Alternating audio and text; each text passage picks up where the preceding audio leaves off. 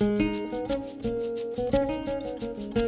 hører på Én tanke klokar, en podkast fra Fakultet for lærerutdanning og kunst- og kulturfag ved Nord universitet. Dagens gjest er Runa Hestad Jensen.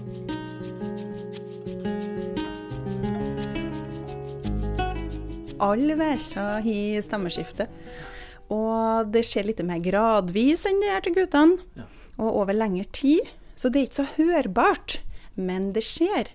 Tenk deg at du er ei sangglad jente. En dag oppdager du at stemmen din endrer seg til det verre, uten at verken du, sanglæreren eller dirigenten din vet hvorfor. Det som skjer, er at stemmen eh, og instrumentet vokser. Og det er hormoner som kommer da i puberteten, som eh, gjør at noen opplever stemmen kan bli veldig hås. da. Og de har ikke den lette fleksibiliteten lenger. Før så kunne de synge sånn lett og lys jentestemme. Og plutselig så kommer ikke de opp så lett lenger. Værsene som opplever henne, de blir veldig redd for å synge. De trekker seg, de blir stille. De får veldig dårlig sjøltillit. Og mange av dem slutter å synge, og de tar med seg denne litt negative følelsen etterpå. Så det er jo kjempeviktig at uh, værsene får vite at det er stemmeskifte, for det er det de sier, da. At men, ingen sa dette til meg, jeg ble overlatt til meg sjøl til å finne ut av problemene.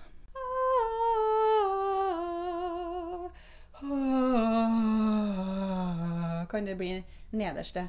Så for, før kunne de synge «Ah!» Kunne de ha litt kraft i stemmen. Men i stemmeskiftet så gjør veksten i, i eh, instrumentet, altså det, eh, i stemmebåndene og, og brystene og det rundt, gjør at du får ikke den samme krafta. Så sånn «Ah!» så det, «Ah!» du, mest, du klarer ikke å synge så sterkt lenger.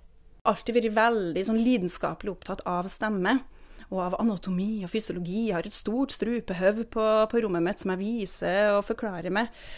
Men jeg hadde veldig mange kvinnelige studenter som, eh, som sang da. Og de forteller meg ofte at de hadde utfordringer med stemmen i puberteten. Og det de beskrev, var veldig likt det jeg hadde lest om skjedde i stemmeskiftet. Så når jeg begynte å fortelle dem kan det være stemmeskifte, for det foregår sånn og sånn, så sa de å, det var det. Men hvorfor sa ingen det, da? Og det som òg var spennende, var at mange av dem har tatt med seg litt den utfordringene eh, i dag òg. Så at de sliter med ting som kanskje kunne vært unngått hvis de fikk den hjelpa de skulle da, i vekstperioden. Så da fant jeg ut at neimen, denne må jeg jo lese litt om. Så fant jeg så lite. Jeg fant masse om fysiologi, men ikke om hvordan de opplevde og hvordan vi skal arbeide med versene. Så tenkte jeg henne må jeg gjøre noe med. Og så var jeg så heldig at jeg fikk gjøre et doktorgradsarbeid på det. Runa Hestad Jensen gjør studiene sine på et jentekor med en kvinnelig dirigent. Og jeg observerer dem, og jeg intervjuer. Og i starten har jeg hatt fokus på den kvinnelige dirigenten. For jeg fant ut det var gjort noen få studier som utforska værsene sin opplevelse, men ingen studier som omhandla hvordan en kordirigent òg opplevde å undervise verser i stemmeskiftet. Og jeg syns det har vært fantastisk å få gå inn i denne verden, den korverden. Og få lov å, å snakke med dem og observere og finne ut hvordan henne oppleves. da. Du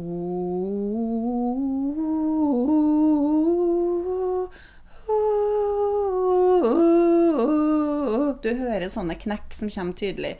Og dem kanskje de ikke har hatt i det hele tatt før.